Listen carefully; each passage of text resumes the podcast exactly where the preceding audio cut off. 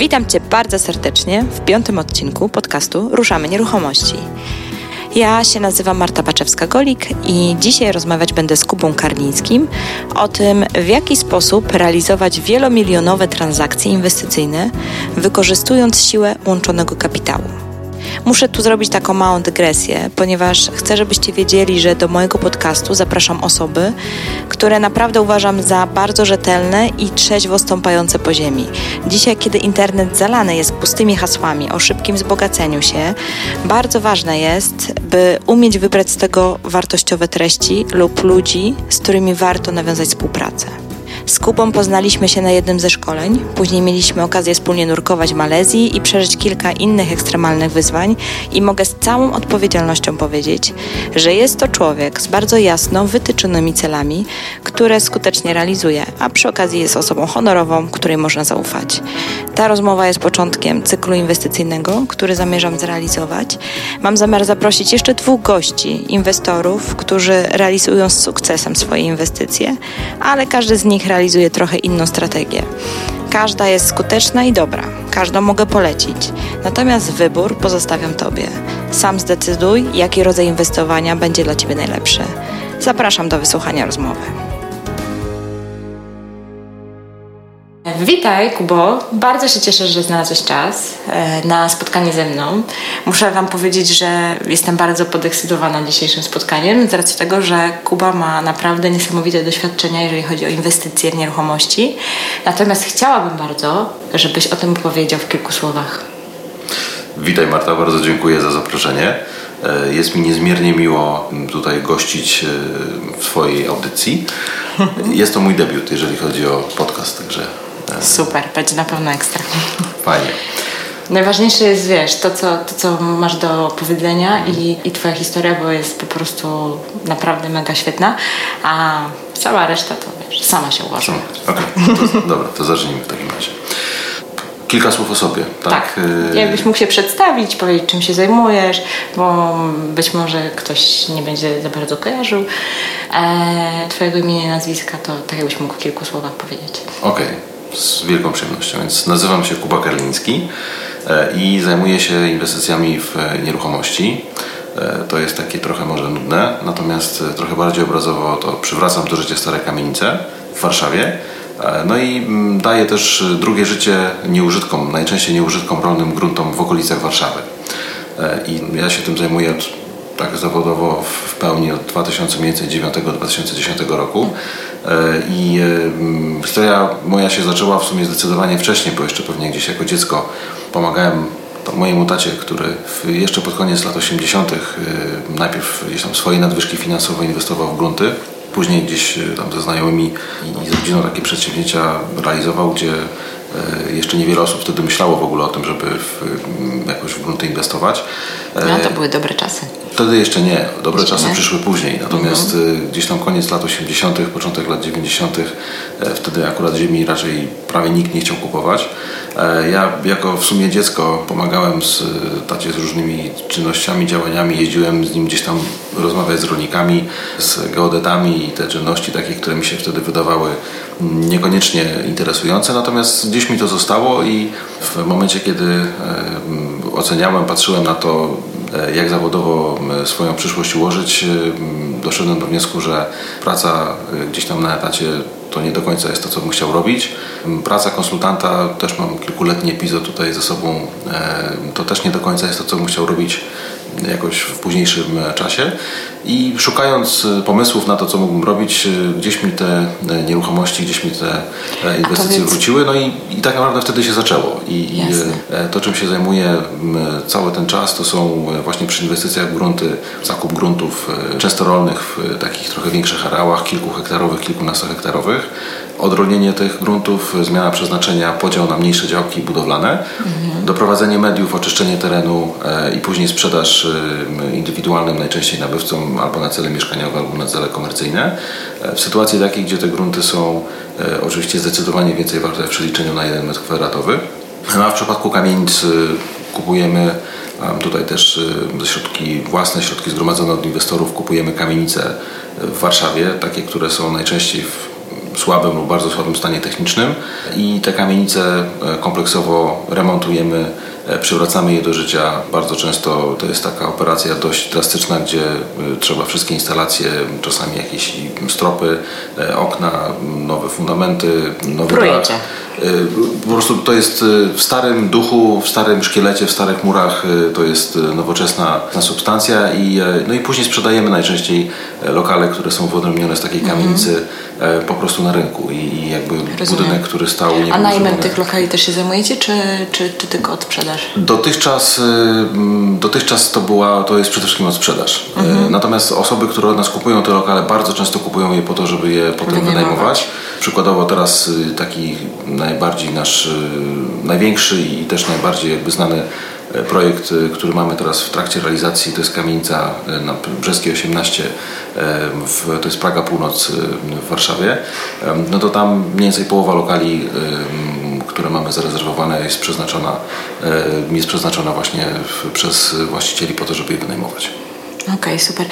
Wiesz co, takie pytanie mi się ciśnie na usta, bo często do mnie z kolei klienci przychodzą, którzy myślą, gdzieś tam mają parę groszy odłożonych albo zaczynają myśleć o inwestycjach i przychodzą do mnie i mówią, że ja to bym zainwestował, e, tylko chciałbym znaleźć jakąś okazję i jak ją znaleźć. Więc moje pytanie jest takie, bo na pewno będą takie pytania się w głowach mhm. kłębić osobom, które nas słuchają.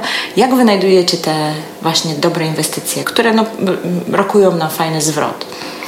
To jest bardzo fajne pytanie i jednocześnie bardzo trudne pytanie y, i takie, na które trudno jest krótko odpowiedzieć. Y, mhm. Dlatego, że mm, tutaj Mamy się nakłada, nakłada się tutaj wiele warstw tak naprawdę. Przede mhm. wszystkim warto y, wiedzieć, czego się szuka i mieć okay. z góry jakąś, przynajmniej może nie bardzo konkretną, ale przynajmniej jakiś obszar zarysowany. To znaczy, jeżeli interesują mnie przykładowo mieszkania, to szukam mieszkań, a nie oglądam absolutnie wszystkie oferty na rynku nieruchomości, jakie się w ogóle pojawiają. Jeżeli interesuje mnie jakaś konkretna, nie wiem, miejscowość, konkretna dzielnica, to szukam tam, a nie szukam wszędzie naokoło, dlatego że im bardziej dokładnie mamy mhm. sprecyzowany nasz obszar poszukiwań, tym większa szansa, że coś ciekawego jesteśmy w stanie znaleźć. Z jednej strony. Po z drugiej strony z kolei warto też mieć oczy szeroko otwarte i zdarza się bardzo często, że oferty, e, które pierwotnie się wydaje, czy to w ogóle jest oferta dla mnie, potem jak się trochę głębiej nad tym zastanowić, nieoczekiwanie mogą być e, faktycznie bardzo, mhm. bardzo fajne, ciekawe i atrakcyjne. Więc e, warto mieć z jednej strony ten ten fokus i tą koncentrację na tym, czego szukamy, ale z drugiej strony warto też mieć otwarte umysł, otwarte uszy i otwartą głowę na opcje czy oferty, które mogą przyjść z innego kierunku, bo to, bo to czasami po prostu też e, przychodzi. E, I to jest, to jest to, co dotyczy tak naprawdę mnie jako poszukującego, czy każdego jako poszukującego w pierwszej kolejności. Mhm. A powiedz, czy to są takie okazje, które wiesz, pewnie się pojawiają cyk i muszę je brać, czy raczej to są naprawdę wyszukane i przemyślane inwestycje? No. Ja nie wierzę w coś takiego jak okazja. Okay. E, I raczej wierzę w to, że wiem, doprecyzuję sobie to, czego szukam. E, mhm. Wierzę w to, że trzeba zobaczyć kilkadziesiąt ofert e, mniej więcej podobnych, podobnego rodzaju nieruchomości, żeby z tych nie wiem, 30-50 wybrać tę jedną właściwą. Mhm. I bardzo często nawet więcej. I zazwyczaj jest tak, że jeżeli jest, nie wiem, okazyjna cena, coś jest nie tak z tą nieruchomością. Okay. I to oczywiście nie dyskwalifikuje tej nieruchomości e, z... Tylko trzeba się dowiedzieć, co jest trzeba, nie tak. Co jest nie, trzeba wiedzieć, co jest nie tak mhm. i trzeba wiedzieć, bądź e, znać kogoś, kto wie, w jaki sposób sobie z tym, tym minusem, czy z tym elementem brakującym po prostu poradzić. Poza tym nie zawsze ten minus może być nie tak dla Ciebie, on może być dla kogoś innego, stanowić faktycznie ogromny minus, a dla Ciebie może to być akurat plus.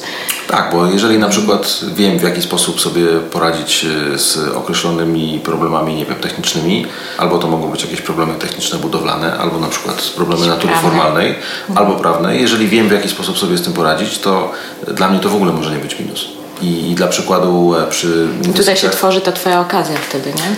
Mhm. Tak. I ktoś na przykład chce mieć, e, chce sprzedać jakiś, nie wiem, jakiś grunt, e, dlatego że nie był w stanie uzyskać decyzji skutecznej, na przykład o warunkach zabudowy, która mu pozwoliłaby zrealizować inwestycję, którą planował, bo na przykład była w niewłaściwy sposób przygotowana dokumentacja i nie użył odpowiednich argumentów. Ja mhm. dzisiaj mogę powiedzieć, że w tej sytuacji raczej jestem w stanie na dzień dobry w ogóle sprawdzić od razu, co można, czego nie można.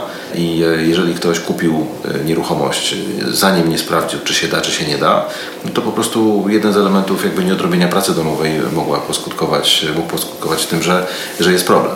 No tak. Jeżeli się wcześniej sprawdzi wszystko bardzo dokładnie, tutaj nie warto się aż tak bardzo spieszyć z perspektywy kupującego, no to po prostu wtedy z góry wiemy, czego się, na co się decydujemy. Mhm, jasne.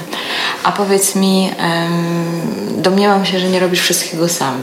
Jak wygląda zespół? Czy w kim się wspierasz i posiłkujesz właśnie w ocenach tych swoich inwestycji? Czy, czy to raczej jednak jest Twoja głowa tylko i wyłącznie? Czy masz jakiś zespół? Y w, w, żadnym wypadku to nie jest tylko jedna moja głowa, jedna moja osoba. Tak też przypuszczam, ale pytam. Bardzo dobre pytanie. Bardzo dobre pytanie, bo wielu inwestorów y, takich, którzy może nie są bardzo do, doświadczeni, próbują wszystko zrobić samemu. Mhm. I to jest taki, y, taka, takie przekonanie, że ja muszę wszystko sam, sam, sam, a tutaj y, im więcej głów, im większe doświadczenie, im więcej będzie tych różnych perspektyw, tym po prostu jest łatwiej wy, wyłapać ewentualne jakieś plusy, minusy mhm. związane z każdą e, konkretną nieruchomością, z każdą inwestycją. W ramach Macmillan, e, bo tak się nazywa e, tak. firma, którą założyłem, mamy 10 mm, osób, 10-osobowy zespół, mhm. taki, który zajmuje się różnymi aspektami działania firmy. To jest i zespół, który prowadzi marketing, sprzedaż. Mamy też project managera, który prowadzi nam już od strony takiej technicznej, architektonicznej, budowlanej nadzór nad projektami inwestycyjnymi w kamienice. No i mamy kilku osobowy zespół taki, który zajmuje się administracją e, i prowadzi przekształcenia gruntów w ramach inwestycji ziemskich. E, mamy tych lokalizacji 40-140 hektarów gruntu, no, to już e, troszkę. więc to jest spory portfel rozproszony w okolicach Warszawy. Warszawa i bliskie okolice Warszawy, te, gdzie, mhm. gdzie tak naprawdę w grunty... A czy Twój zespół też inwestuje? E, nie wszyscy, aczkolwiek e, niektóre, niektórzy członkowie zespołu tak e, i bardziej jakby w, ja pracuję z, zespołem, teraz ten, ten 10-osobowy zespół, który mówię, to są osoby, które pracują z nami w pełnym wymiarze, przy pełnym zaangażowaniu. Natomiast współpracuję też bardzo szeroko z kilkudziesięcioma specjalistami, fachowcami, którzy realizują różnego rodzaju E, dla nas jakieś działania funkcjonują albo jako podwykonawcy, albo jako partnerzy. Mhm. E, I e, tutaj wspieramy się oczywiście nie tylko pośrednikami w obrocie nieruchomościami, którzy z jednej strony oferty różne czasami do nas przesyłają, sprzedają nasze nieruchomości klientom gdzieś dalej.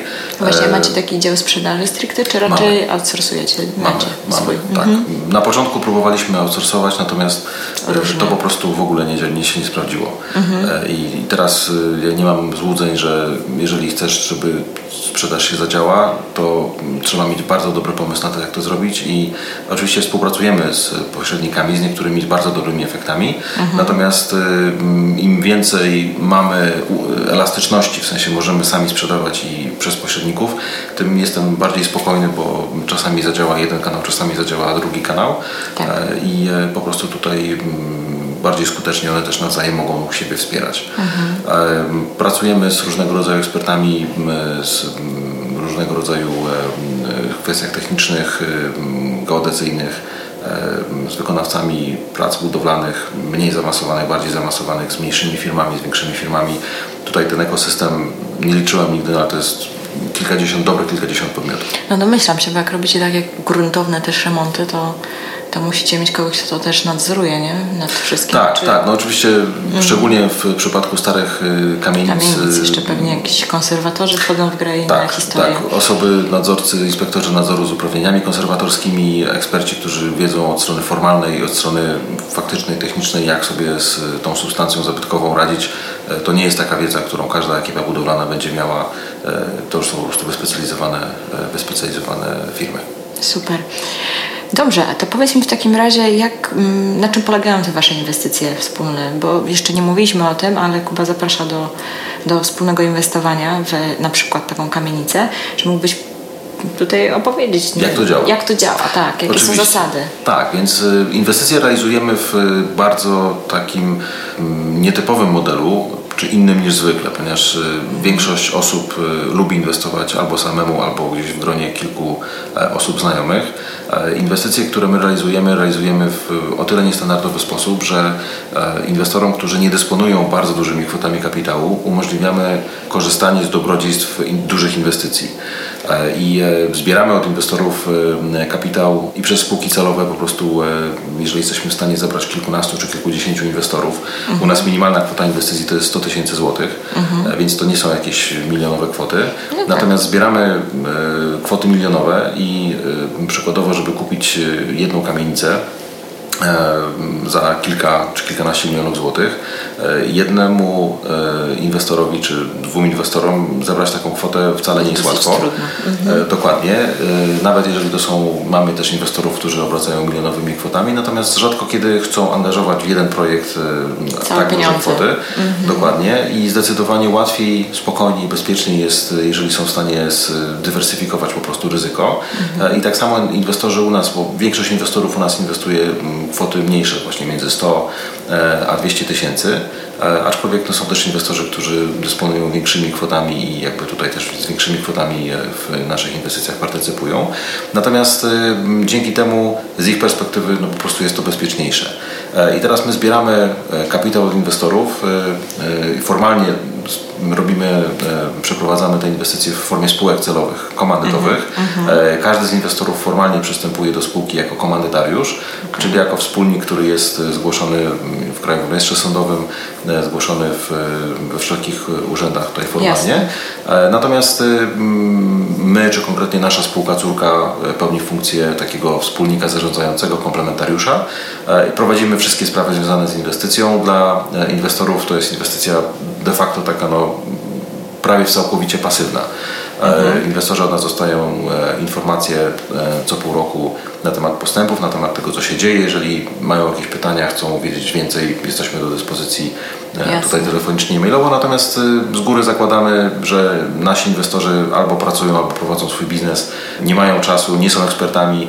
My się na tym znamy, my znajdujemy konkretne nieruchomości, przeprowadzamy cały proces. Natomiast inwestor oczywiście ma przez cały czas dostęp do informacji. Jasne. I teraz powiedz mi, jak sobie radzicie z tak zwanym czynnikiem ludzkim, czyli z zaufaniem, no bo właśnie tak jak wspomniałeś na początku, mhm. ludzie e, sami inwestują albo w gronie jakichś wspólnych znajomych. Wydaje mi się, że to wynika przede wszystkim z tego, że, że mają do siebie zaufanie, no, znają się od lat i tak dalej, i tak dalej. A tutaj macie jakieś fajne rozwiązania, jak z odpowiedzialnością za ewentualne jakieś tam błędy? Z punktu widzenia zaufania, zaufanie to jest, mhm. to jest ten e, element, który oczywiście jest e, krytyczny i kluczowy i on musi być, żeby jakiekolwiek tak, zebranie jasne. grupy inwestorów mogło zaistnieć. Mhm. Szczególnie w, przy bardzo niedużym zaufaniu, niewysokim poziomie zaufania wśród Polaków.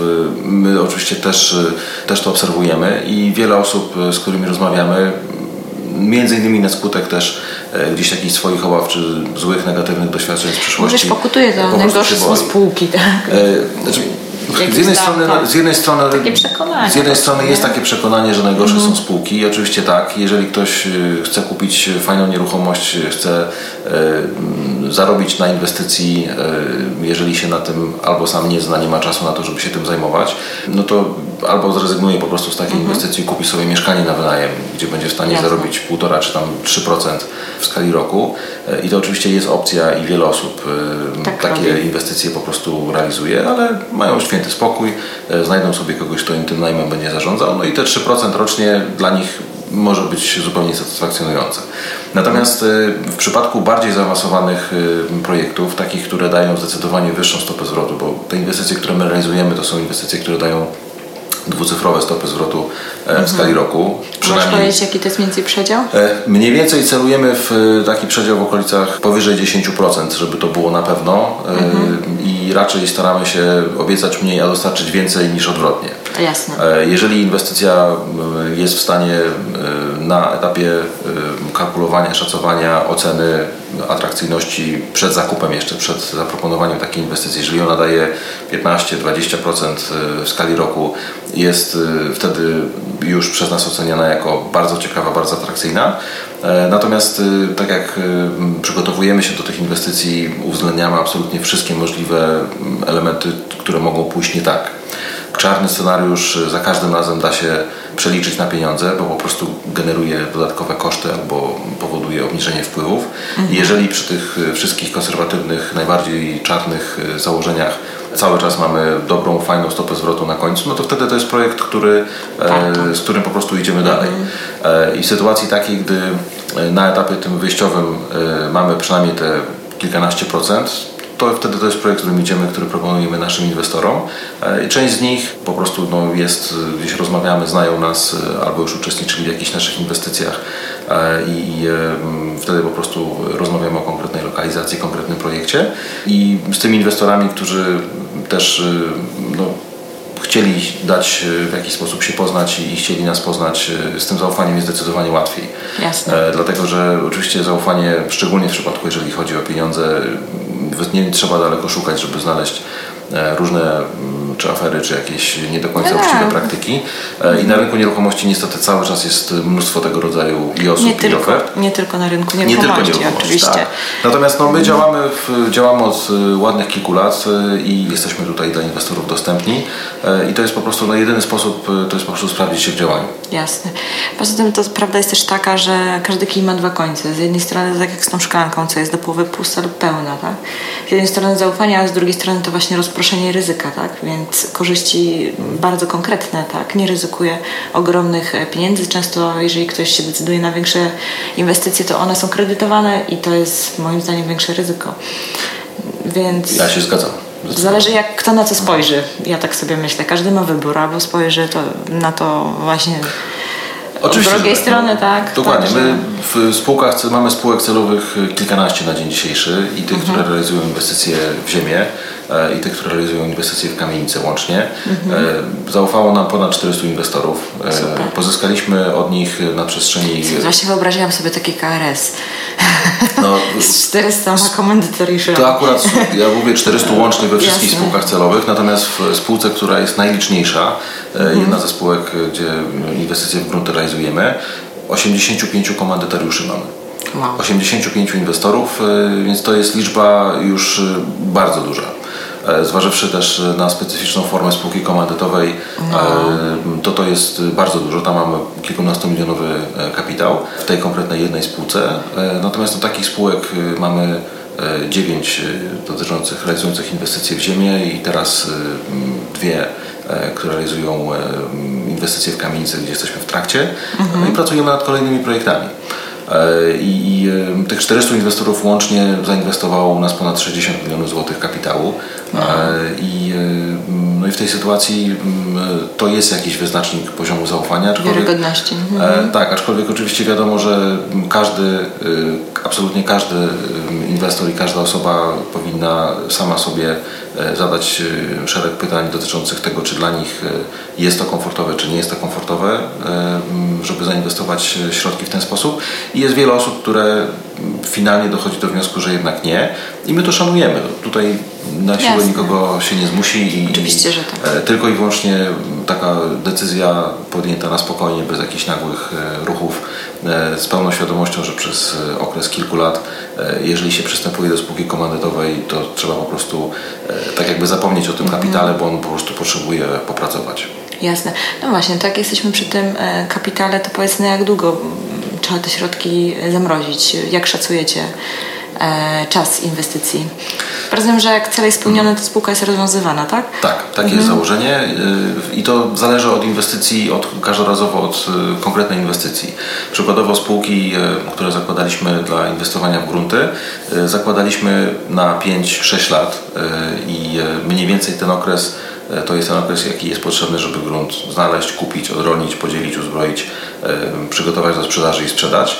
Mhm. Natomiast przy inwestycjach w kamienicę ten horyzont jest krótszy i tutaj mówimy o trzech latach, na jaki zawiązujemy zazwyczaj E, przynajmniej te dwie kamienice, które mamy teraz e, już rozpoczęte e, i w trakcie, no to tutaj mamy spółki założone na 3 lata. Mhm. Przy czym robocze nasze założenie jest takie, że mm, inwestycje planujemy skończyć mniej więcej po dwóch, dwóch i pół roku.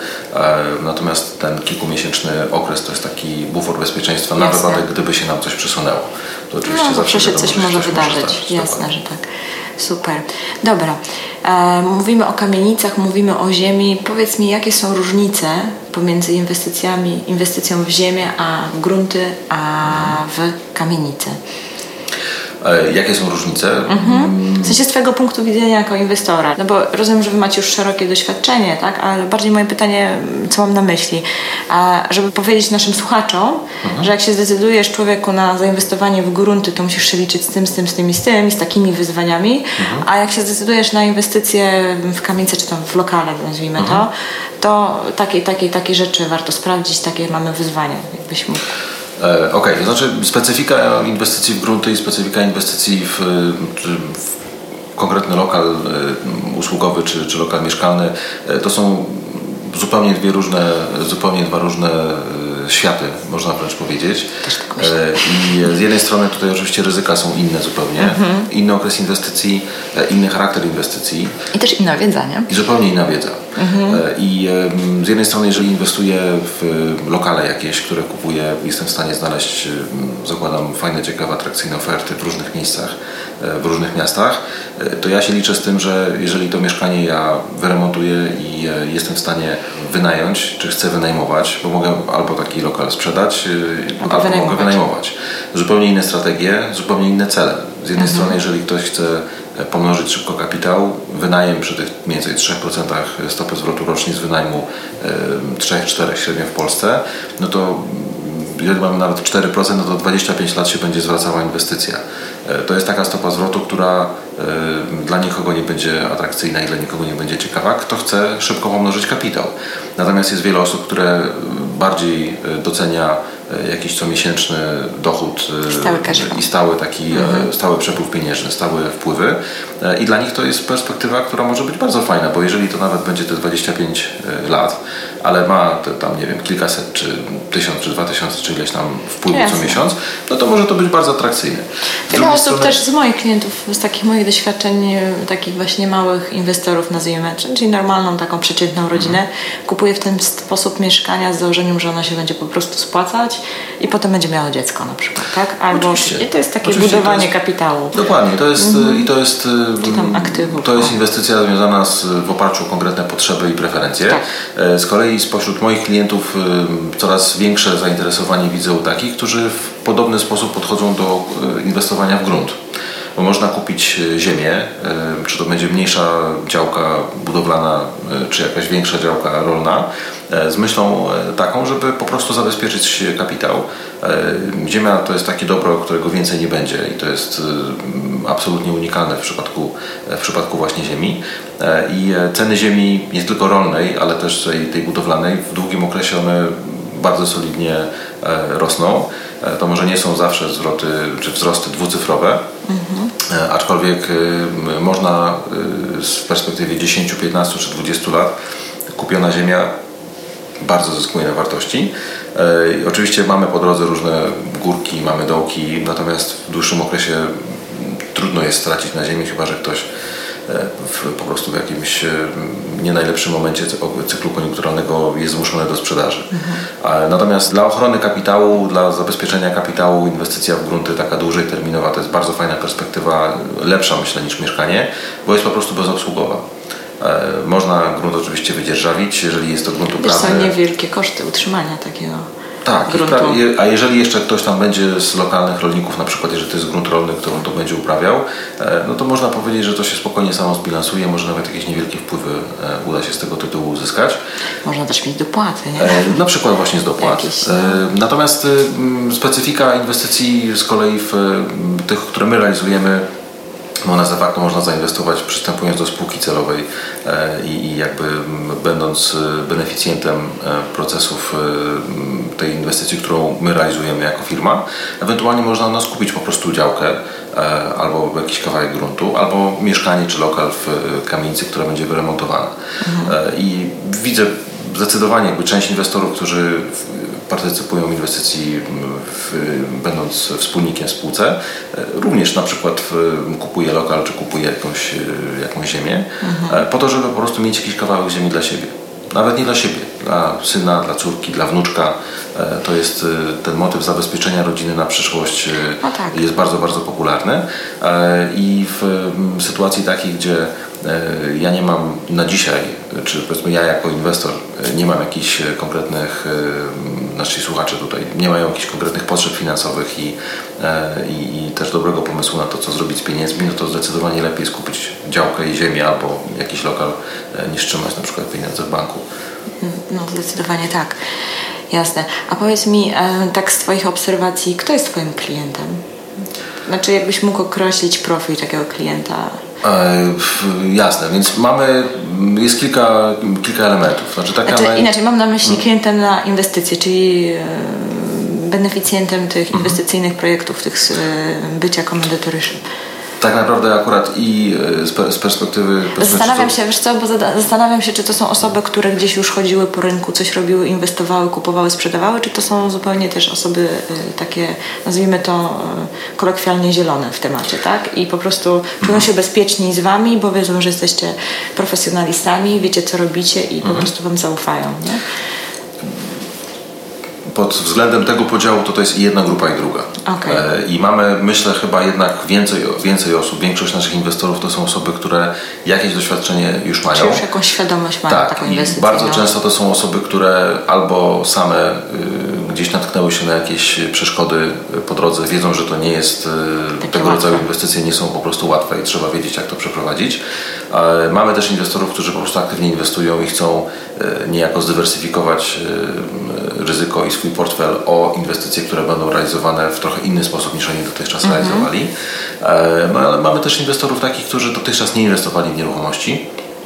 Być może inwestowali gdzieś na rynku finansowym, w jakieś fundusze i, i czy, czy, gdzieś tam na giełdzie i po prostu postanawiają albo przenieść część aktywów na bardziej bezpieczne E, do bardziej bezpiecznych e, instrumentów, instrumentów. Mhm. E, dziękuję, niż, niż dotychczas, albo po prostu takich, którzy z różnych powodów rodzinnych postanowili postanowili troszeczkę zmienić specyfikę swojego inwestowania, albo po prostu chcą zobaczyć, jak się inwestuje w nieruchomości, bo wcześniej tego nie robili i wolą to zrobić razem z nami mhm. na początku, po to, żeby złapać trochę więcej czucia mhm. nauczyć w, się i nauczyć się, jak A rozumiem, że dzielicie się chętnie wiedzą ze swoimi E, klientami? E, ja powiem tak, no, dzielimy się wiedzą bardzo chętnie. Ja mhm. Y, mam takie poczucie i widzę zresztą, że im chętniej się dzielimy tą wiedzą, tym chętniej tym jakby wzrasta i zaufanie do nas i, i chętniej u nas e, z, z, nami też inwestorzy rozmawiają i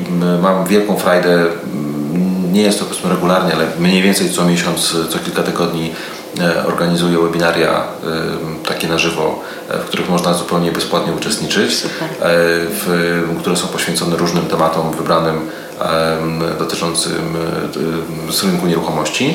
A to tak jak jesteśmy przy tym temacie, tak mi przyszło teraz do głowy, przepraszam, że Ci przerwę, że może zaoferujemy coś naszym słuchaczom, jakby chcieli pobrać sobie, może masz jakieś nagrane fajne wideo, czy coś, co mogliby, czy jakieś poradniki, czy coś, Zapraszam serdecznie. Y, mam y, kanał na YouTube. Y, mhm. To jest youtube.com slash user slash Kuba Karliński pisany razem. Dobrze.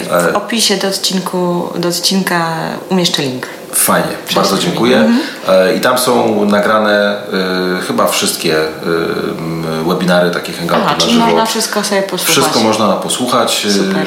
Jest ich tam, nie liczyłem, ale, ale trochę ich tam już się zebrało i, jakby te działania planuję kontynuować, mhm. ponieważ widzę, że to one się cieszą dużym za, zainteresowaniem. Mhm. Nawet niektóre z nich większym niż się pierwotnie spodziewałem. Zacząłem Super. to mniej więcej rok temu robić i, i może nawet już wcześniej niż, niż rok temu i faktycznie widzę, że tam są e, niektóre z nich, mimo że one mają tam po 45 minut po godzinę, e, mają kilka tysięcy od, obejrzeń już, więc e, wow, no to, to, nie są, to nie są jakieś tam pojedyncze, pojedyncze Tak najbardziej, zamieszczę linki. Tak, i to, jest, i to jest jakby jeden element. robimy też raz na jakiś czas takie spotkania warsztatowe, szkoleniowe na żywo Na razie to jest taka trochę dla, dla mnie działalność dodatkowa obok, obok tego, co robię w, przy okazji prowadzenia firmy i prowadzenia inwestycji.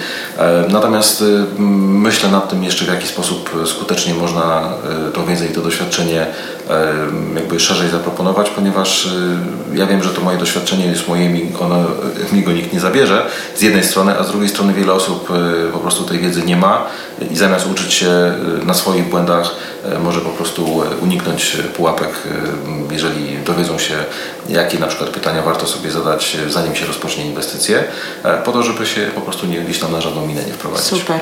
I jak jesteśmy przy tych błędach, to od razu mi przyszło pytanie o błędy. Jaka jest Twoja taka, wiesz, jakbyś mógł powiedzieć, jaka była Twoja największa porażka w inwestowaniu?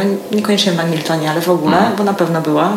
To, to każdy gdzieś tam ma swoje e, błędy, które musiał odhaczyć, żeby się nauczyć i dowiedzieć. Mm. no właśnie, jakbyś mógł o tym powiedzieć.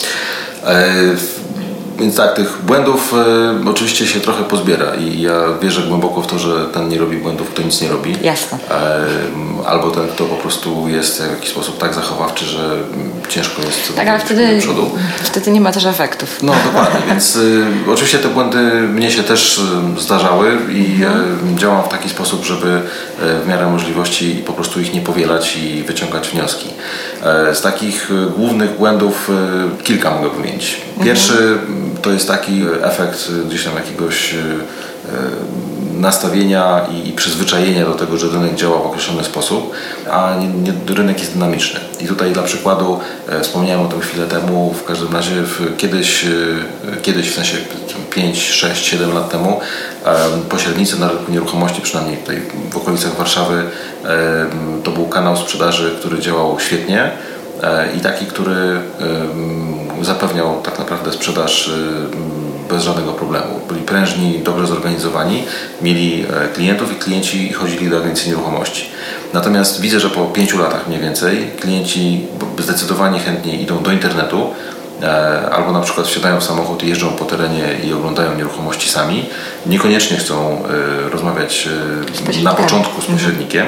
Niektórzy oczywiście dalej, mhm. natomiast zdecydowanie dzisiaj internet wygrywa z, po prostu z żywym człowiekiem w pierwszym kontakcie.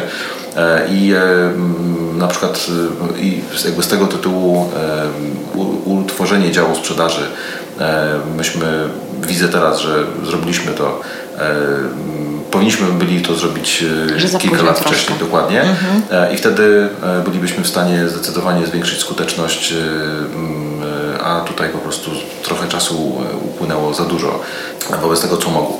Więc mhm. to wyciąganie wniosków i obserwacja bieżącej sytuacji rynkowej warto to robić w trybie ciągłym i warto Jasne. po prostu częściej zadawać sobie pytania, które nie zmuszą do działania i się nie przyzwyczajesz do tego, że jeżeli coś działało dotychczas, to będzie działało w przyszłości, bo może działać, ale wcale nie musi.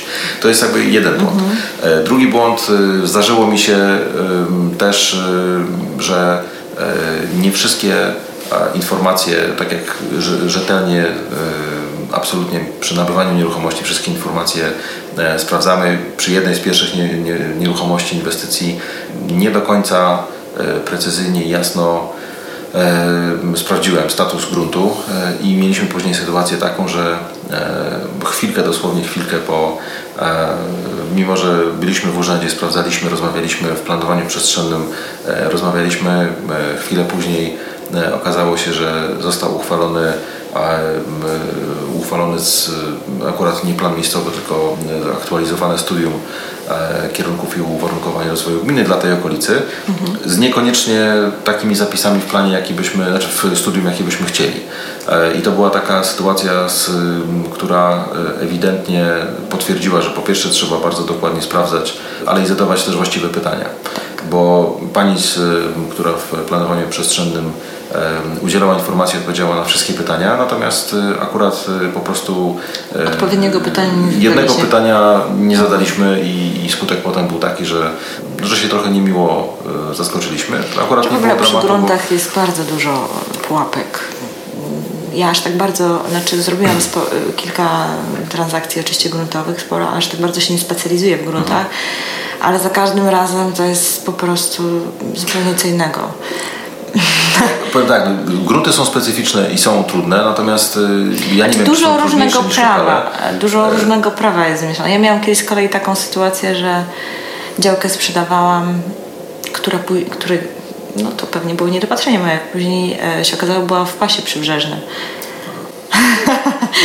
Kuba już macha głową, wie o co chodzi. A. Tak, no my tutaj nie mamy w okolicach Warszawy tak. pasa przybrzeżnego, natomiast... Yy... Tak, i, i potem hmm. właśnie gdzieś tam okazało się, że ustawa o prawie wodnym ma dosyć duże znaczenie w przypadku tej działki. No, hmm. także naprawdę i to gdzieś tam były mali, malutkimi literkami w karcie terenu, gdzieś tam, e, wiesz jak w bankach z gwiazdką, nie? Tak, no, więc to są tego typu rzeczy. Są, nie? tutaj jest i planowanie przestrzenne, ustawa mhm. o planowaniu przestrzennym, ustawa o kształtowaniu ustroju rolnego. E, teraz jest, jesteśmy na bieżąco świadkami e, modyfikacji świeżutkiej ustawy o regulującej obrót ziemią.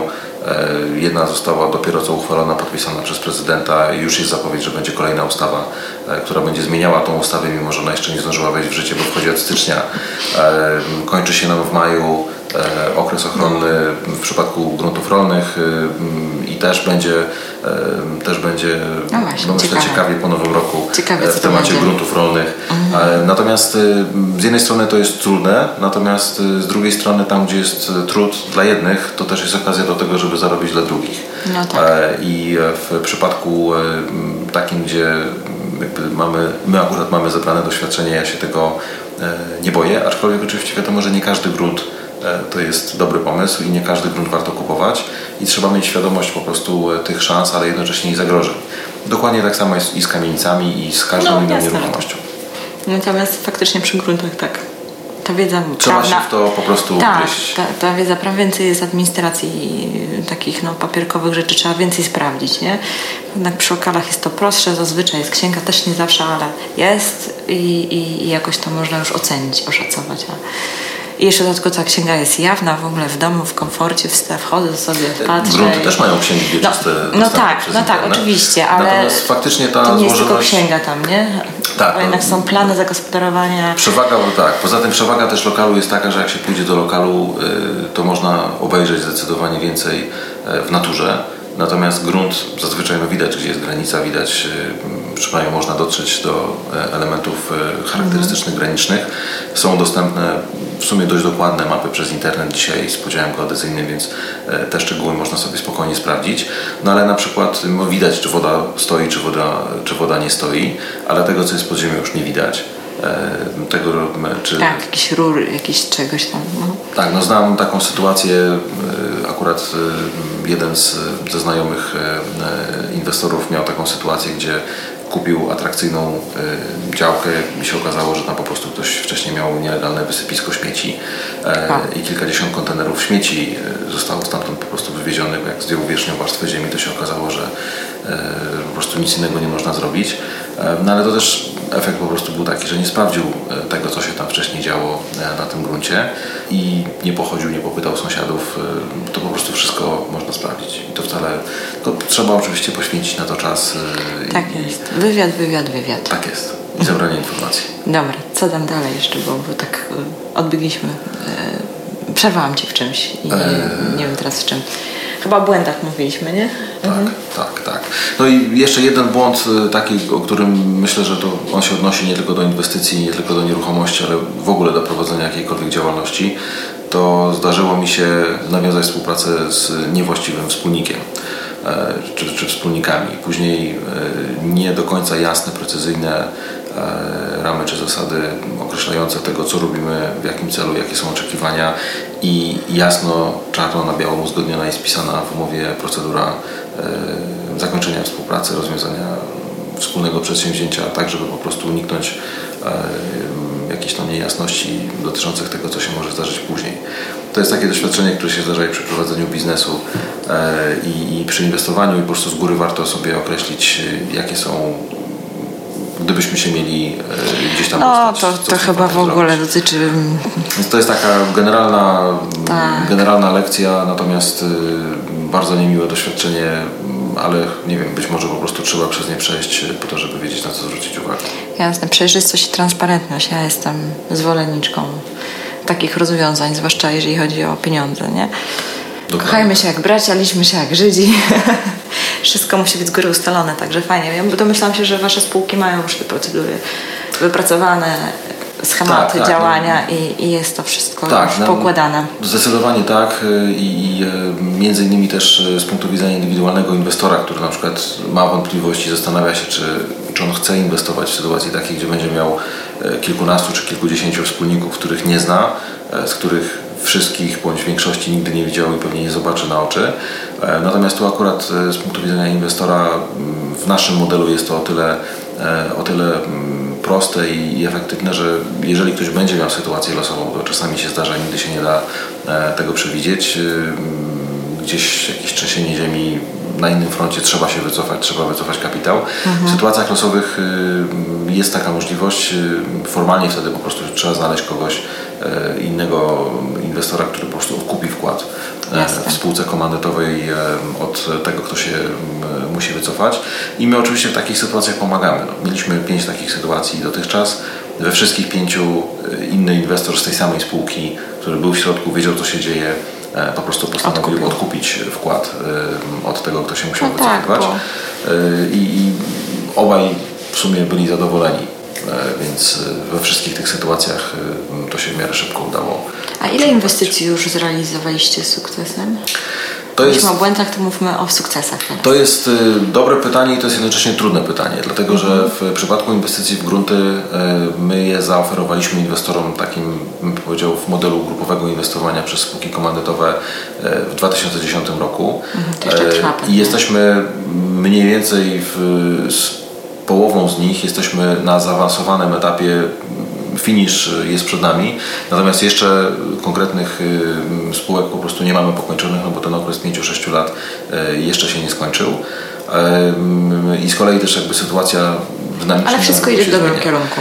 Tak, jak na razie tak. No, wyzwanie mhm. oczywiście główne teraz jakie mamy, to już poodranialiśmy, podzieliliśmy, uzbroiliśmy, poczyściliśmy, teraz sprzedajemy i e, rynek przez ostatnie kilka lat bardzo dynamicznie się zmienił i też ta sprzedaż e, ewidentnie w ostatnim roku bardzo dynamicznie się zwiększyła. Sprzedaliśmy mm, kilkadziesiąt działek z portfela teraz w tym roku i to jest mhm. zdecydowanie więcej niż w ogóle wcześniej e, przez cały okres.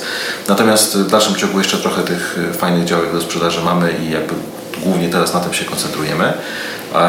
Natomiast w przypadku kamienicy to z kamienicami wystartowaliśmy bardzo niedawno, bo wystartowaliśmy no, Kamienicę na Brzeskiej kupiliśmy teraz w tym roku e, w kwietniu w 2015 i tam jesteśmy na etapie mm, cały czas jeszcze administracyjnym.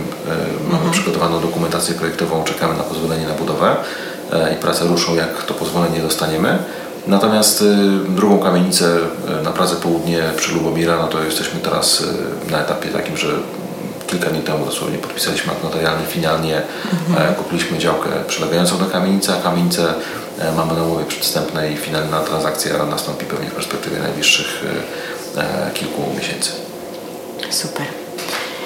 Dobra, Kuba, czy mamy jeszcze coś do dodania? E, wiesz co, do tego ostatniego pytania urwała mi się, urwał mi się wątek, e, to jeszcze ja po, pokontroluję. Dobra, dobra. Bo mhm. E, pytałaś o zrealizowane transakcje. Mhm. Ja wspomniałem o tym, że zaczęliśmy od 2010 roku.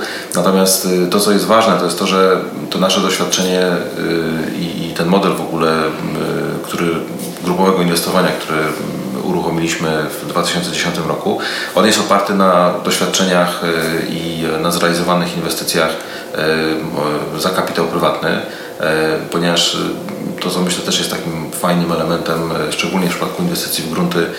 Jednym z moich wspólników i też współzarządzających, współprowadzących te inwestycje jest mój tata. Mhm. I tutaj na jego doświadczeniu, przede wszystkim tym kilkudziesięcioletnim, od tego myśmy zaczynali. Teraz już może niekoniecznie aż tak bardzo, ponieważ dzisiaj tego doświadczenia mamy w zespole zdecydowanie więcej i jakby rola mojego taty jest dalej bardzo ważna, natomiast wspiera nas głównie swoim doświadczeniem, trochę doradczo. Czyli jest taka spółka rodzinna, tak? Tak, Fajnie. tak, można tak to nazwać. W każdym razie y, głównie te transakcje realizowane przez niego i to nie tylko te w latach tych 80., 90., które oczywiście były e, zdecydowanie najbardziej e, zyskowne, bo to wtedy wszystko tak naprawdę, e, wszystkie słupki i, i, i te stopy zwrotów procentowe podawały takiej wartości, której dzisiaj ja nawet już nie chcę pokazywać inwestorom. Mamy też transakcje zrealizowane gdzieś tam w gronie wewnętrznym, zamkniętym na mhm. początku po roku 2000 i zamykane gdzieś tam w okolicach 2008 czy 2009 roku. Natomiast ja na dzisiaj nawet nie chcę pokazywać inwestorom E, wykresów czy słupków e, z tymi zwrotami, dlatego że inwestycje realizowane w ciągu dwóch, trzech lat e, dawały kilkaset procent stopy zwrotu i tak. dzisiaj cały czas można znaleźć jeszcze takie inwestycje, które podobne zwroty będą generowały. Jest to oczywiście zdecydowanie trudniejsze, mhm. natomiast na dzisiaj jak się pokaże stopę zwrotu na poziomie 300-400%, to po prostu aż się ludzie łapią za głowę i, niemożliwe. i podejrzewają, że to jest niemożliwe. Tak. Więc przestaliśmy to robić e, i raczej, e, jeżeli ktoś myśli o inwestowaniu w grunty, pojedyncze działki, to jest raczej alternatywa po prostu dla trzymania pieniędzy na lokacie i te stopy zwrotu w dłuższym okresie, 10-15 lat, one będą bardzo fajne, natomiast to nie jest taka inwestycja do zrobienia na szybko. Jasne. Teraz mi teraz jeszcze jedno pytanie przyszło mm, do głowy. E, a myślicie, żeby gdzieś wyjść poza rejon tutaj Warszawy? Myśleliśmy o tym, żeby e, rozszerzyć skalę działania, natomiast e, myśmy ją rozszerzyli z perspektywy czy z punktu widzenia inwestorów. Nasi inwestorzy dzisiaj to są inwestorzy, którzy są inwestorami, pochodzą, mieszkają, pracują w całej Polsce. Mamy też kilka, kilku inwestorów zagranicznych, aczkolwiek związanych Polską e, i, e, i to jest jakby ten, e, ten element takiego rozszerzenia perspektywy, który, który postanowiliśmy wprowadzić w życie. Natomiast jeżeli chodzi o lokalizację inwestycji, lokalizację nieruchomości, w które inwestujemy, trzymamy się Warszawy, trzymamy się okolic Warszawy zdecydowanie świadomie i konsekwentnie z kilku powodów. Po pierwsze, y, rynek warszawski i wokół Warszawy to jest y, to miejsce w Polsce, ten region w Polsce, który jest y, najbardziej prężnie, mhm. dynamicznie się rozwijający. Mhm. 20% PKB jest generowane w, tutaj w okolicach Warszawy, PKB całej Polski. Tutaj jest mhm. największy rynek, jeżeli chodzi o nieruchomości, najwyższe ceny, największa płynność i, no i prognozy demograficzne też bardzo jednoznacznie wskazują, że Warszawa jako jedyne miasto obok bodajże Krakowa, który trzyma, e, wszystkie miasta się wyludniają, Kraków mniej więcej z tego co pamiętam, Kraków albo Białystok e, trzyma i będzie trzymał e, poziom ludności, poziom mieszkańców mniej więcej na poziomie stabilnym, natomiast Warszawa jako jedyne miasto będzie się zwiększać i to się przekłada na ceny nieruchomości w samej Warszawie i na rynek nieruchomości w samej Warszawie, ale też jako jedyna Warszawa obserwuje dynamiczny przyrost osób, które się wyprowadzają z Warszawy pod Warszawę. Mhm. I te tereny Powoli się też trochę w Trójmieście zaczyna zmieniać, wiesz? Przez te naprawdę potężne inwestycje, które były w Trójmieście zrobione, mam na myśli e, drogowe i, i chociażby e, jak patrzę ile biurowców na przestrzeni mhm. kilku lat po prostu wyrosło, w Trójmieście, to mam wrażenie, że troszeczkę też zaczyna się zmieniać i coraz większy napływ jest tutaj też u nas. Nie? Znaczy, w Trójmiasto, ale i wszystkie duże miasta mm. obserwują, y, znaczy ludzie przyjeżdżają i, i będą przyjeżdżać i te duże ośrodki miejskie ściągają, przyciągają ludzi z mniejszych Tak, ale chodzi o to, że też duże korporacje przychodzą do nas, nie? E, tak, ale to samo się no. dzieje w Krakowie, to samo się no dzieje właśnie. w Wrocławiu. W Poznaniu troszkę mniej, natomiast też, y, też to widać. E, infrastruktura, która powstała, drogi głównie, akurat Trójmiasto też y, linię kolejową, tak, e, zupełnie tak. nową e, teraz. To połączenie z lotniskiem jest genialne teraz. I, I to na pewno jakby w przypadku wszystkich tych większych miast widać, że ludzie przyjeżdżają i będą przyjeżdżali, natomiast y, też jakby ci, którzy mieszkają z miasta mhm. wyprowadzają się poza. Natomiast jeżeli się spojrzy na dane na przykład z Głównego Urzędu Statystycznego, mhm. to y, jeżeli się te liczby podsumuje, to Warszawa wygrywa, wygrywa. w cuglach y, ze wszystkimi metropoliami, innymi tutaj z, z miejscowościami. No pewnie jeszcze trochę tak będzie, nie? I no, według wszelkich prognoz te najbliższe 20 lat y, tutaj się dużo nie zmieni. Mhm. Czyli jednak tutaj. Nie no pewnie. Poza tym macie też największe doświadczenie na tym rynku i znacie go. Nie? Plus oczywiście jesteśmy tutaj na miejscu, mhm. znamy ten rynek, ale też jesteśmy tu fizycznie na miejscu. Ja też głęboko wierzę w to, że żeby faktycznie inwestycja była w stanie dobrze prosperować, to po prostu trzeba mieć kogoś lokalnego, e, kto będzie jej pilnował. E, I to pańskie oko, które konia tuczy, tutaj bardzo dobrze działa. Więc to oczywiście jest kolejny argument, dla którego warto. A teraz takie jeszcze pytanie mi przychodzi a propos tych lokalizacji, bo był taki moment, ja pamiętam parę lat temu, że strasznie były modne inwestycje gdzieś w Bułgarii, w jakieś tam. Takie mieszkania lokale wakacyjne. Tak, jakieś coś tam. Mhm. A nawet pamiętam, Rednet wchodził, robił dużo, dużo takich jakichś tam spotkań i konferencji. Oni oferowali w Malezji, gdzieś tam jeszcze, w jakichś takich bardzo egzotycznych e, miejscach. Co ty myślisz o tego typu inwestycjach? że to mm, oni niby też oferują to bezpieczeństwo i tak dalej, no bo z nimi e, możesz zainwestować i też powstało sporo jakichś takich firm, e, biur, które proponują tego typu inwestycje, natomiast e, no, ja mam na ten temat wyrobione zdanie. Chciałabym się zapytać, jakie jest moje? jakie tak? jest twoje? No. no. ja powiem tak, jeżeli ktoś szuka inwestycji, mhm. to ja raczej nie polecam tego kierunku. Jeżeli ktoś szuka mieszkania na wakacje, na urlop, czy to będzie miejscowość nad morzem, gdzieś w ciepłym mhm. klimacie, gdzie jest dużo dni słonecznych i chce po prostu mieć swoje cztery kąty, które będą przy okazji tam jeszcze mu troszeczkę e, dochodu generowały, e, bądź na przykład w górach e, gdzieś na narty pojechać e, mhm tam, gdzie, gdzie jest sezon i, i gdzie, e, gdzie faktycznie mm, czy jest jakiś lodowiec i ten po prostu można przez ileś miesięcy w roku, e, niż więcej miesięcy w roku niż powiedzmy jeden czy dwa, tak jak u nas te sezony wakacyjne czy turystyczne są bardzo krótkie. Jeżeli ktoś szuka takiego, takiej odskoczni swojego azylu, no to dlaczego nie? Natomiast z punktu widzenia inwestycyjnego e, to są nieruchomości, które zdecydowanie więcej oferują i i zachęcam do tego, żeby po prostu solidnie sobie zadać pytanie, czego ja tak naprawdę chcę. E, I to jest, a tutaj te mieszkania I wakacyjne. Do punktu wyjścia. Tak, dlatego że te cel. mieszkania mhm. wakacyjne to jest trochę tak, że to się nakłada na siebie taki trochę styl życia, lifestyle, e, oczekiwania moje osobiste, na zasadzie, że ja będę miał fajne miejsce na wakacje e, i to, że ja na tym przy okazji jeszcze zarobię. Mhm. I do pewnego momentu pytanie, co jest ważniejsze. Jeżeli bardziej to, to mieszkanie wakacyjne i styl życia, to to dlaczego okay. nie? Natomiast jeżeli faktycznie myślę o inwestycji, to polecam odciąć emocje i polecam spojrzeć po prostu na suche liczby e, i mhm. spojrzeć też na umowę, bo operatorzy mm, bardzo często e, przynajmniej tych lokalizacji takich turystycznych, wakacyjnych w Polsce e, potrafią na przykład dać gwarancję wpływów, ale na przykład na dwa lata a nieruchomość będzie się zwracała na przykład 15 lat i wtedy tak. pytanie, co będzie później, E, jakich wpływów realnie należy się spodziewać, bo deweloperowi będzie się opłacało na przykład dopłacić e, ze, swoich, ze swojej kieszeni do, tego, do tej gwarantowanej stopy zwrotu przez pierwsze dwa lata, natomiast e, to mieszkanie czy ten lokal ma zarabiać też później.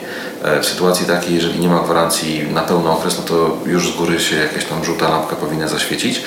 E, co oczywiście dodatkowo jeszcze w ogóle jest cały element jeden związany z ustrojem, e, otoczeniem prawnym, bezpieczeństwem konkretnej lokalizacji. No jeżeli mówimy na przykład o Bułgarii, dzisiaj jesteśmy i my, i Polska, i Bułgaria jesteśmy w Unii, Natomiast no, widać, że te ostatnie wydarzenia ostatnich tygodni, one też sprawiają, że E, pewne założenia fundamentalne dotyczące przyszłości Unii Europejskiej w jakiś sposób no, może nie chwieją się, ale, ale zadają, e, każą sobie zadać pytanie, na ile ten tak. twór jest stabilny.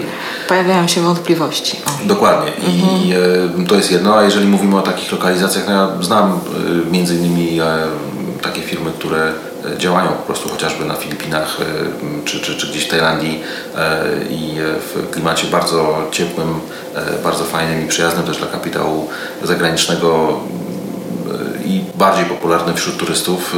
Takie inwestycje są realizowane. Natomiast no, to wszystko zależy od tego, czego ja chcę. Jasne. No jak za wszystkim. Wracamy do punktu wyjścia. Określić cel. Dokładnie określić tak. cel. I to można by było też nazwać pierwszym krokiem w inwestowaniu. Tak, zachęcam gorąco do tego, żeby sprecyzować, mm. jakie mam oczekiwania, jakie mam e, cele i jakie mam ograniczenia. E, I, i w, od tego punktu wyjścia można po prostu iść dalej. Jasne. Dobra, Kuba, to może co? Jakieś krótkie podsumowanie? Teraz jest czas, może się zareklamować i zachęcić ewentualnych słuchaczy krótki, do współpracy. Krótki, krótki czas e, na reklamę. To znaczy, ja może zachęcę do tego, żeby odwiedzić e, nas e, po pierwsze na stronie internetowej www.macmillan.com magmillon.pl Przez 2L chyba, Przez tak? 2L o N, bez I e, Też w środku. opisie do odcinka na stronie www ruszamy nieruchomości, tak jak się podcast nazywa, .pl e, zamieszczę te wszystkie linki. Tak? Fajnie, zachęcam do tego, żeby no. nas, na przykład na Facebooku mamy swój profil, e, e, znaczy swój e, fanpage, e, też zachęcam do tego, żeby, żeby nas odwiedzić, e, polubić. E, Mamy profil na LinkedInie i zachęcam też do odwiedzenia e, YouTube'a. E, I w przypadku pytań, zainteresowania zachęcam do kontaktu. Em, Rozpocząłem też niedawno prowadzić blog nieruchomości tak.blog.pl. Em, To też jest e, taki blog, który, z którym, który w sumie funkcjonuje od mniej więcej tam dwóch miesięcy. E, I tam też e, bardziej na bieżąco jakieś ciekawostki dotyczące rynku nieruchomości, tego co Super. się dzieje, co warto, też się tam znajdują. E, Też i, e, chętnie poczytam. Zapraszam, zapraszam. Cały czas jeszcze dopracowujemy pewne elementy, on się jeszcze przepoczwarza, e, zmienia, natomiast trochę treści już tam fajnych, myślę, można znaleźć.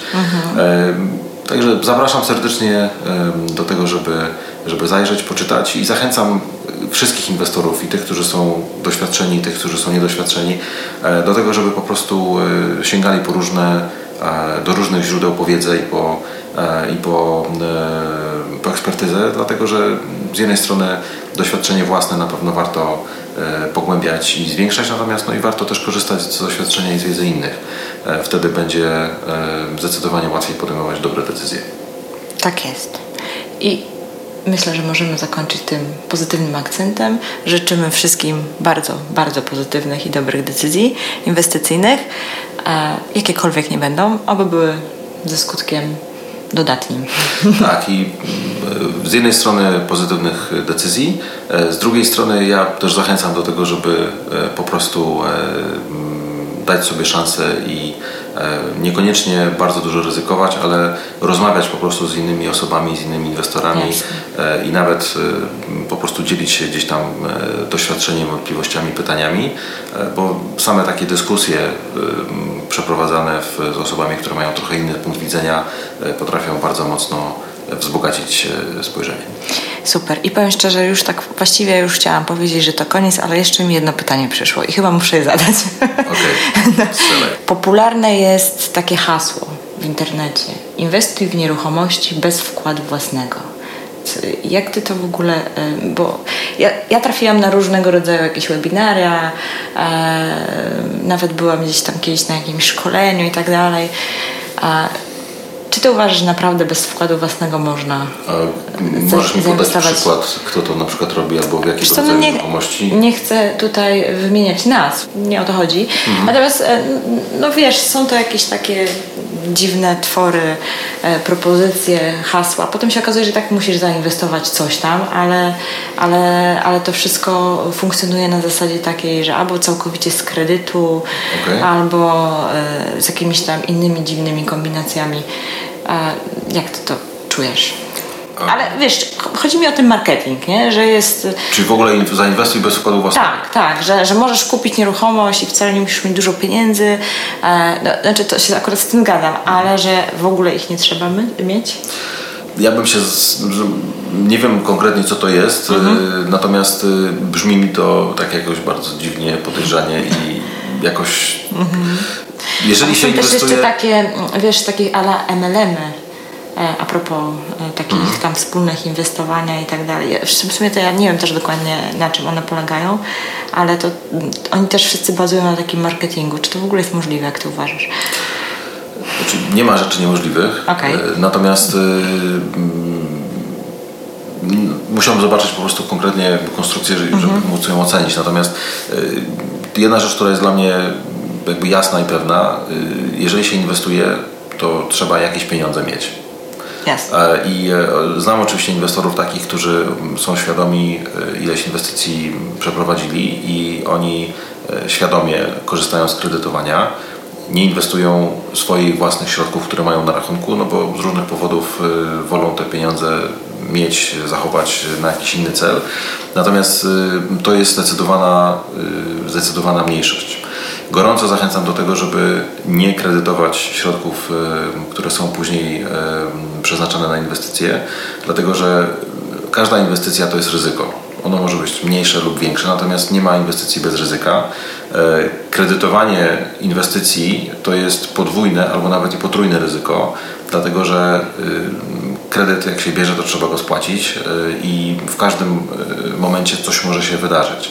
Jeżeli ktoś dzisiaj dobrze zarabia, nikomu tego nie życzę, natomiast znam przypadki takie, gdzie po prostu e, na skutek różnych zawirowań e, z dnia na dzień, e, jak się straci pracę, to potem nie ma z czego spłacić kredytu i potem przepada inwestycja i tak naprawdę te jest wszystkie problem. środki i wtedy jest problem podwójny bo bardzo często jeszcze zostaje do spłacenia kredyt, który się zaciągnęło, a jak się nie ma jakby tej inwestycji, no to po prostu później się zostaje z, dużym, z dużą problemem. kwotą, z dużym problemem, z dużą kwotą do oddania. To jest jakby jeden element. Drugi element jest taki, że jeżeli są jakieś takie no, dziwne oferty, dziwne kombinacje, to oczywiście warto po prostu dokładnie czytać e, dokumenty, czytać umowy. E, ja nie chcę tu wszystkich wrzucać do jednego worka. E, tym bardziej, że też nie mam złudzeń. Niektórzy mogliby pomyśleć, że oferta grupowego inwestowania, którą my oferujemy, to też jest coś dziwnego. Tak. Mhm. Natomiast y, każdy zainteresowany inwestor y, dostaje od nas y, komplet dokumentacji. Zachęcamy wręcz do tego, żeby tą dokumentację zderzyć, skonfrontować z jakimś prawnikiem, z osobami, które po prostu są doświadczone i samemu po prostu poświęcić trochę czasu na to, żeby, żeby tą konstrukcję zrozumieć i się z tym zapoznać. Natomiast więc jestem daleki od tego, żeby tutaj wszystkich wrzucać do jednego worka, natomiast warto po prostu z kimś, kto się zna na temacie, porozmawiać i, i po prostu e, zderzyć fakty. No jeżeli e, są solidne podstawy biznesowe, e, jeżeli to się, ten biznesplan jakoś tam się trzyma logicznie jakby kupy i całości i forma prawna jest taka, że daje poczucie komfortu, no to można dalej działać. Natomiast jeżeli jest jakaś wątpliwość, to, to po prostu lepiej wtedy dać sobie spokój tak. i, i mm, jak nie ta oferta, to za jakiś czas będzie inna. Jasne. Okej, okay, to dziękuję. I chyba już mi się wyczerpały pytania. dziękuję Ci bardzo za poświęcony czas. A muszę powiedzieć, że siedzimy sobie w niedzielne popołudnie, nagrywamy, więc tym bardziej dziękuję, że zechciałeś go poświęcić, e, zamiast po prostu spędzać sobie czas miło i przyjemnie e, z rodziną. E, I co?